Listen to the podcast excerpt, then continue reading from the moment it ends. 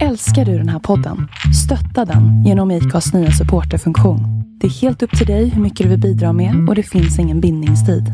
Klicka på länken i poddbeskrivningen för att visa din uppskattning och stötta podden. Welcome to Retail Initiative, the podcast where I meet inspiring and courageous leaders with incredible stories. We curate their best stories to share the lessons from their journeys. We offer you, as a listener, a possibility to be inspired and to join us in order to create impact through the means of building water wells and planting trees to support communities in rural Africa. The podcast is sponsored by Global Connect. We empower visions. Global Connect enables companies, organizations, and societies to thrive by offering digital infrastructure for a connected world. Anything from connecting stores to enable an improved customer experience to secure solid and safe internet connection for businesses. Welcome, Johannes. Thank you, Alex. How are you doing today? I'm doing great. How would you describe Johannes for someone uh, just with three words? Uh, I would say uh, I'm a person who's very curious, very driven, and um, I don't know what the third word would be. Curious and driven would be because they're so strong. So that's that's probably me. And where would you say this curiosity has come from?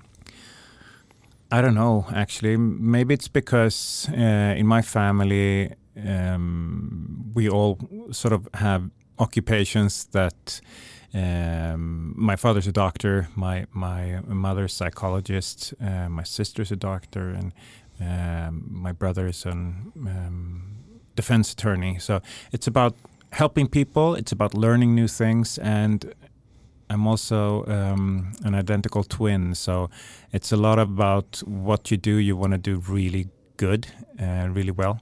Um, and um, the curiosity, I think, emanates from just being the best who you can be and learn as much as possible. Amazing. Um, how would you describe paradiset? Um, or I don't know, do you say paradise when you talk about it in English? But how would you how would you describe it for a person that is not aware uh, about your brand? For an international listener, I would say it's like the Swedish Whole Foods. Uh, so we had before Corona, COVID, we had four stores in uh, Stockholm area with uh, selling natural and organic groceries um, and um, beauty products and supplements as well. And as an alternative to the big grocery chains in Sweden, where you can buy more of the ultra processed food that is very bad for your health and for the planet. And now, when you were doing a new journey with uh, Paradiset 2.0, what is that all about? Well, it's um, we got hit by by Corona when we were at a we were almost um, profitable after five years of struggling, and um, it was the last financing round. So so we got hit exactly where we didn't need to be hit, uh, but we we have um, sort of uh, learned from uh, our mistakes. We have learned from what was good. And we're now using the, the corona pandemic as uh, a vehicle for potential future growth. So we're we're seeing a, a, a big increase in online grocery shopping. We're seeing a big increase in people's understanding of how important food is for your immunity, your immune system, so uh, and your health. And um, so we're launching an online um, version of Paradiset, which is inspired by Thrive Market from the US. So it's like a Costco membership club where you pay a monthly fee and you get discounts up to 40% on um, healthy and sustainable food products. So it's a pretty amazing thing. It doesn't exist in Sweden or Scandinavia. And I think the timing is right. So uh, it's going to be uh, a really interesting journey to do with all the experience from the last five years in, in, in the back. And so far, how have the interest been? It's been really big. Uh, we managed to get selected by Sting, which is an, uh, one of the world's top incubator uh, organizations in, the, uh, in Stockholm here, and uh, we were um, selected as an incubator company. They only choose very few companies per year, so um, that was amazing. We also have gotten a lot of love from our fans on social media and. So uh, it feels good. It feels it feels really good to be able to continue the journey. I've lost all my money basically uh, in the in the first round, but uh, I'm still standing, and I'm going to keep on on fighting for what I believe in, and uh, it's a pretty amazing thing to be able to do that. Wiser, more humble, uh, a bit more gray hair, uh, but still in a good mood. I would say a lot wiser. I mean, you've gained a lot of wisdom from this past journey. And you've also received a lot of people already signing up, right? Yeah. So we have done like three or four uh, posts on social media saying, like, okay, uh, sign up your interest for becoming member. And we have 2,000 signups already. And um, we have uh, had three webinars where we talk about, we want to include people. It's a kind of a uh, participatory culture where I share what we want to do and, and take input from from our followers and, and future members. So we've had almost 800 people participating in, in these three webinars. So yeah, it's it's wow. pretty awesome. And how would you describe a person that wants to be a part of this mission? Because this is more than just you know a transaction or you know another online store. Yeah, it's it's pretty clear. Uh, our target group are women. They are between 30 and, and, and 50 normally, and they are highly educated. They have an understanding of that we need to do something to sort of reconnect with real food, and we need to act now since food is one of the largest contributors to both the um, the global warming um, problem that we have and also the health crisis that we see all over the world. So it's a pretty pretty beautiful thing that you can actually do two things in in once. In in yeah. How do we get more men to be active in this kind of decisions? It's a good good question. It, it's a bit sad that we men are so sort of. Um, um, slow to to understand things. But it's I, I, I normally say it's like the same thing when a new club opens up in town. I haven't been to a club for many years, but when I was in my youth, you knew that if it was a new one, there's going to be lots of women. They always spot the good things, the, the cool things first. Some alarm, that's good. Keep us awake. Yeah. And um, now the, the, women are always ahead of the men. And um, I, I, think we're going to see that continue. But the, the more obvious it becomes that actually the food that we eat and and that we buy is like important both for our own health and for our children's future. I think everybody's going to come around. It's just that the women are first. Good answer. Um, can you share a little bit uh, with our listeners uh, about your journey? Well, yeah. Um, I started Paradiset.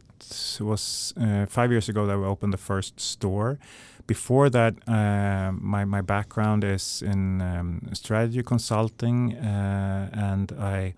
Uh, after that, I, I, went into grocery retail and, and, and started uh, Lidl, a hard discounter in in um, as a German discounter that I started in Norway as a purchasing director, and um, learned a lot from from that experience those years uh, after that, I, I, went into occupational healthcare where I I ran uh, a stock listed company for a couple of years and then decided to start my own first entrepreneurial venture, uh, which is a digital occupational healthcare provider. And um, it was pretty amazing. I did that for three or four years and then sold it to an insurance company for a couple of dollars. Uh, it was a pretty good good sum, but and uh, and then um, I started Paradiset in, in, in 2015. So yeah, and in the in the meantime, I've gotten three kids, and um, now two cats and a dog. And so life is pretty hectic. It really sounds like it. And you also you are also uh, one of the or the youngest CEO for a Swedish uh, company listed. Yeah, back in the days when I was CEO of Feelgood, at that time I was the, the, the youngest CEO of any stock listed company in Sweden. So, yeah, it was something to that, that I used to brag about when I was uh, at that age. Uh, my then becoming wife wasn't very impressed, and and uh, she's a very clever person, so I, I stopped saying that. Um, during your time at Lidl, the the German hard discount company, you had a uh, manager that you recall. Can you share a, little bit with us about your experience there and that sense of leadership? Yeah, um, his name was uh, is uh, Erwin Meyer, and um, he really taught me some important lessons uh, of sharing your failures as soon as possible so that you could mitigate the, the potential damage of the failure. And um, that was a very, very good um, lesson that I've had with me. Uh, normally, it's common to sort of hide your mistakes, but putting them in plain sight and, and um, bringing people in to address them and, and, see how we can solve them, that's so much more efficient and it creates such a nice culture you know that it's okay to fail as long as you share your failures and then you can learn and grow from them. So that was pretty amazing. Good recommendation for everyone leading people. Yeah. Um, how do you see on the ability of reskilling? Is that important to you? Yeah, it's super important. I think it's so many people who continue to do what they do, uh, both in their private life and in their business life, and um, it creates them to to stagnate and and sort of get stuck in a mold that's not going to um, help them improve as people, and. Uh, I think it's uh, one of the best things that you can do that you go outside your current sort of limitations, look at what's happening in the world, what are your interests, how can you pursue any dream, any any area where you want to um, learn more and, and sort of satisfy your cu curiosity, if that's even possible. But to listen to your cu curiosity, I think, is a very good way to stay young, to stay healthy, and, and, and in, especially in your mind. Do you have any practical recommendations of how to push yourself or how to, you know, avoid being, avoid stagnating or avoid not to reskill? Yeah, I think it's good to find people that you're inspired from and, and learn from them, listen to them. Now with the technology that we actually have, everybody have in their pockets with podcasts and and um, videos on YouTube and Netflix, you name it you can learn actually quite a lot. It's like a university that's for free, just lying there, and, and, and it's just pick up the phone, plug in your headphones, and, and while you're biking or walking, or you can actually get almost an education, and I think that's pretty amazing. Absolutely, absolutely. Um, what have um, what has been the most important lessons from your journey so far? from my entrepreneurial journey, it's been to really focus on a sustainable business idea. And when I say sustainable, I mean financially sustainable because there's nothing more draining than if you your company's losing money every month and you're sort of struggling to to survive. Um, and if you haven't thought through the business model and how you're gonna make money, it's going to be such a bad experience and terrible experience. And I've been there, so so um, I, I, know firsthand. And also to surround yourself with really great people, because again, being alone with problems is terrible. It diminishes you as a person, and and it's very negative for your self-esteem and self-confidence. So I think having great people around you to share your problems and also your joys with is is paramount. Where did you find all the good people around you? How does one strive for that? Well, I, I found quite a lot of good people, and also I've um, found some people I thought was good, and uh, and uh, that turned out to be be bad, but um, based mainly it's my, my own fault for for not being um, good at spotting the, the difference. Sometimes I, am too enthusiastic and and uh, and sort of always want to see the good in people, so that can be also a limitation. Uh, but I find people through meetings, meeting people. That's that's my main source, and I sort of have an internal list of people where I, I uh, say this is a keeper, this is somebody I'm going to reconnect with when the time is right. So I keep tabs on people basically. Wow, sounds like a database. Yeah. um, when it comes to you know solving the customer's problem, or um, one of my favorite concepts uh, from um, Harvard professor Clayton Christensen, when it comes to job to be done, what do you think when it comes to creating ecosystems or collaborations? What's your philosophy on that to actually solve the customer's problem? I think that together, if companies work together uh, with sort of uh, interconnecting business ideas or, or um, yeah, relative um, solutions to a customer problem. I think it's amazing when, when companies can work together because we provide a better solution. So I think what I see in the startup community and, and also the sort of social entrepreneurship community, this is happening. And also in the online community, it's a much bigger uh, acceptance for working together, even with those companies who would be considered competitors. Uh, it's much more sharing of information, and I love that.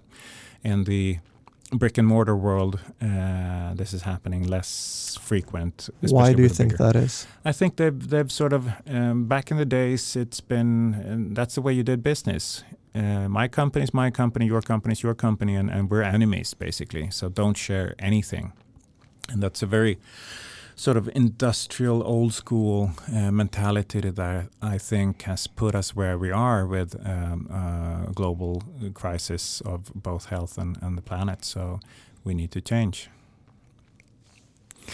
Um, when it comes to exponential technology, which is there any specific technologies that amuse you uh, a little extra? Well, since I'm a, a health nerd, uh, I'm I'm really interested in um, nanotechnology where you can um, insert robot, robots in, in your body to, to sort of attack cancer cells, to analyze your gut flora, and, and uh, help people with some of the bigger issues that actually take so much life and suffering today, autoimmune diseases and stuff like that. So that, that's something I'm really looking forward to the development. And um, but I also think it's really uh, interesting to see the um, technology of, of um, how we can provide services and information to, to each other to improve offerings. So, in, in general, improve life and create a better way of living for people. And that's those are it's a wide topic, obviously, but yeah, a lot of things are happening there. What do you think about CRISPR? The DNA scissor. Yeah, uh, I think it's interesting, but it, like most big innovations like this, it's so important that it comes in the right hands. And what are the right hands? As long, as soon as you realize how much money that can be made in, like, curing fatal diseases. Um, there's a price tag to it, and in in the right hands, perfect, but in the wrong hands, this can be really, really bad. So, I I'm very curious about the good potential uh, with a system like CRISPR and and uh, or a solution like CRISPR and and but also terrified about the possibilities of of uh, uh, it happening and ending up in the wrong hands. This is um, this is a topic that goes back basically to all exponential technologies, the ethical perspective of it. Yeah. Um, how do you look on artificial art, AI. AI, artificial intelligence. On, yeah, exactly, artificial intelligence. I, I, think it's um, same thing. Uh, uh, there's so much data out there. There's so much information that we as humans can't process. We, uh, if we use it wisely, it can tremendously improve the quality of life and and uh, hopefully uh, create solutions that can manage us to sort of uh, put the climate crisis on, on hold uh, and, and, and get back to, to creating a better world. But in the wrong hands again, uh, there is probably no faster way to, to end life on Earth. So, but when it comes to, let's say, from a retail perspective, which um, perspectives of AI do you see could be the most beneficial ones? Um, from a, a, grocery retail perspective, uh, I would say it's uh, the possibility to help people to get the kind of nutrition, the food that they actually need, because we're all individuals, we're all different. Uh, Scandinavian people and, and African people, we have different um, nutritional sort of profiles that we uh, are have, have uh, developed over the hundreds of thousands of years. So um, I think it's super important um, with helping people getting the right kind of food and the right kind of nutrition to stay healthy, live longer. Um, yeah. So basically, everything from curating the right information to recommendations to yeah, yeah no, predictions. I, I, yeah, I, I see the, the merging of healthcare and gr the grocery industry. The the more it's kind of amazing how little knowledge there is in the medical community about the, the importance of nutrition because uh, we could probably throw away quite a lot of the, the, the, medicine that is being developed today to sort of cure uh, to uh, reduce the symptoms of diseases when we through the food actually could probably eradicate the whole illness. So um, it's going to be interesting to see in the next two three decades how the the um, healthcare system has to become more proactive and and use food and nutrition as uh, um, preventive medicine. Absolutely, and as as you said, I know earlier. I mean, one way is that us as people or consumers take responsibility and drive this change and that of course also goes back to how interested we are in it, how much data we're able to generate. I see that you're wearing an Oura ring. How interested are you in these things? I mean, yeah, like like I said in the beginning, I'm a, a ridiculously curious person. So uh, I try to live my life as um, as a sort of I, I, try to gather as much information about myself uh, as I can and try to interpret it. Uh, uh, so um, sleep is one factor, food is one factor. Uh, I, I, have this. Uh, it's a bit weird to share on a, on a podcast, but um, after I've, I've, been to the toilet, I check the results every day because that's actually going to tell me so much about what my system if it has gotten the kind of nutrition, the kind of fibers, the kind of fats that it needs. And uh, the answer is actually right there. So, um, yeah. Wow. that is very passionate. Yeah. Um, when it comes to digital infrastructure, uh, like the possibility of connecting a brick and mortar store, uh, how important would you say that that is today, but most important tomorrow? I, I think we're going to see a, a, major change of the brick and mortar grocery stores uh, and also retail stores in general. But let's talk groceries since that's that's my my area of expertise. Uh, I think we're going to see um, the grocery stores are more and more becoming showrooms. Uh, where you can get inspired, you can go, you can touch, smell, uh, taste uh, products, and then you can decide what you want to buy, and you will have it shipped home. Uh, I don't th- think we're going to see those big, big, colossal uh, stores in the outskirts, mega markets, mega markets in the outskirts of the cities uh, survive for many years more.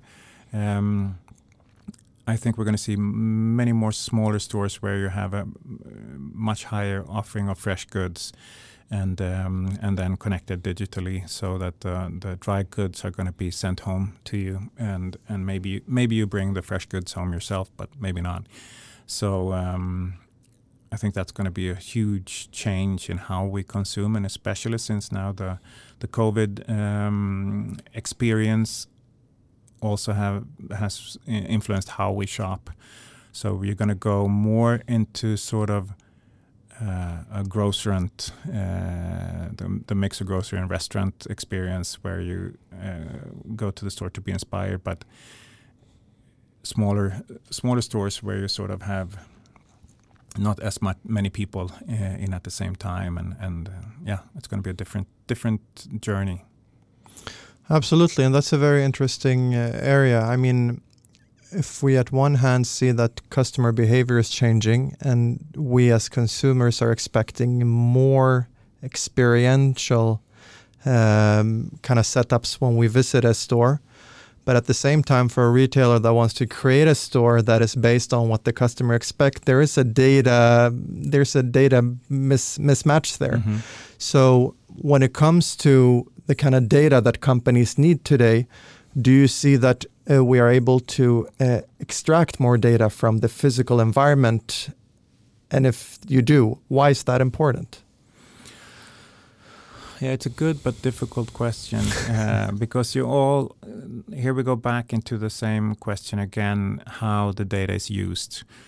Uh, in, in, the best of worlds, it's good. It's created to to help you improve your life, uh, but in the market economy that we live, uh, there's a big chance of the data ha- uh, ending up in, in the hands where you are targeted for other, other reasons uh, than your own best uh, interest. So um, the GDPR and and other regulations regarding how data is being used, I think, is going to be even more important in the future. Um, but I hope that we can find a system of data transaction that actually can benefit people uh, in a in a good way for for the the health and and the planet. But and there's it's not an easy question. You were um, named the social capitalist of the year here in in Stockholm, Sweden. Um, why is impact important to you, and what does it mean for you to be a social entrepreneur? Well, uh, first of all, that was a couple of years ago. I was uh, nominated for for that, but um, being uh, my entrepreneurship is all about frustration. So uh, uh, I, I um, don't start a business to become a, a millionaire. I, I, started because I need. I'm, I'm, I'm really frustrated about a problem. So, um, and and to me, the biggest problems that I want to solve is the health of of uh, many people and the future of my children and other children. So that's why I um, I think being a social entrepreneur is for me one of the most beautiful things you can be. It's not for everybody because it's um, pretty shitty um, sort of uh, outlook on on uh, economics. You take a, a, very big risk normally because you go where maybe no one has been before because uh, it hasn't been lucrative enough. Yeah, and and you need to really think hard on how you can create a, a sustainable financial business model. That's uh, I was going there with my last uh, the Paradiset 1.0 uh, sort of, but the lessons learned uh, I'm going to bring into the 2.0 version and um, try to rise as a phoenix from the ashes. Um, but but it's not about it's not about like I, have said many times. It's not about making money. It's about being sustainable because there's a big need for social entrepreneurship with companies that grow, create uh, job opportunities, create opportunities for local farmers to bring their products out to the masses. And um, yeah, that that's what gets me ticking. My last question. So, what kind of impact is it that you're striving to have on the world? The kind of impact where I, when I die, uh, feel that I've actually contributed to the world. I, I am highly inspired by sort of the philosophy of the Native American Indians who always considered like seven generations ahead what I'm doing today, what will the impact be for the coming generations? And um, yeah, if I can manage to have a, a positive impact for as many as possible, I know I'm going to die a happy man. Wow, that is some uh, some uh, deep things. Uh, Johannes, where can we find you? What's the next thing now with Paradiset 2.0?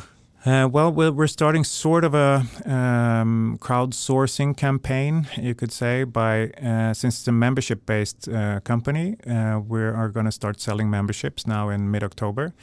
Up until Christmas, and then we launch the, the site for, for shopping from January 1st, basically. So if you go to paradiset.com uh, and sign up, uh, you will be uh, able to get some early bird discounts on memberships and some other nice benefits. So please, please do. Uh, it would help and mean mean a lot to us. And uh, you can follow the journey on uh, Instagram and Facebook on Paradiset 2.0 and and or my my Instagram Johannes Cullberg Cullberg with a C.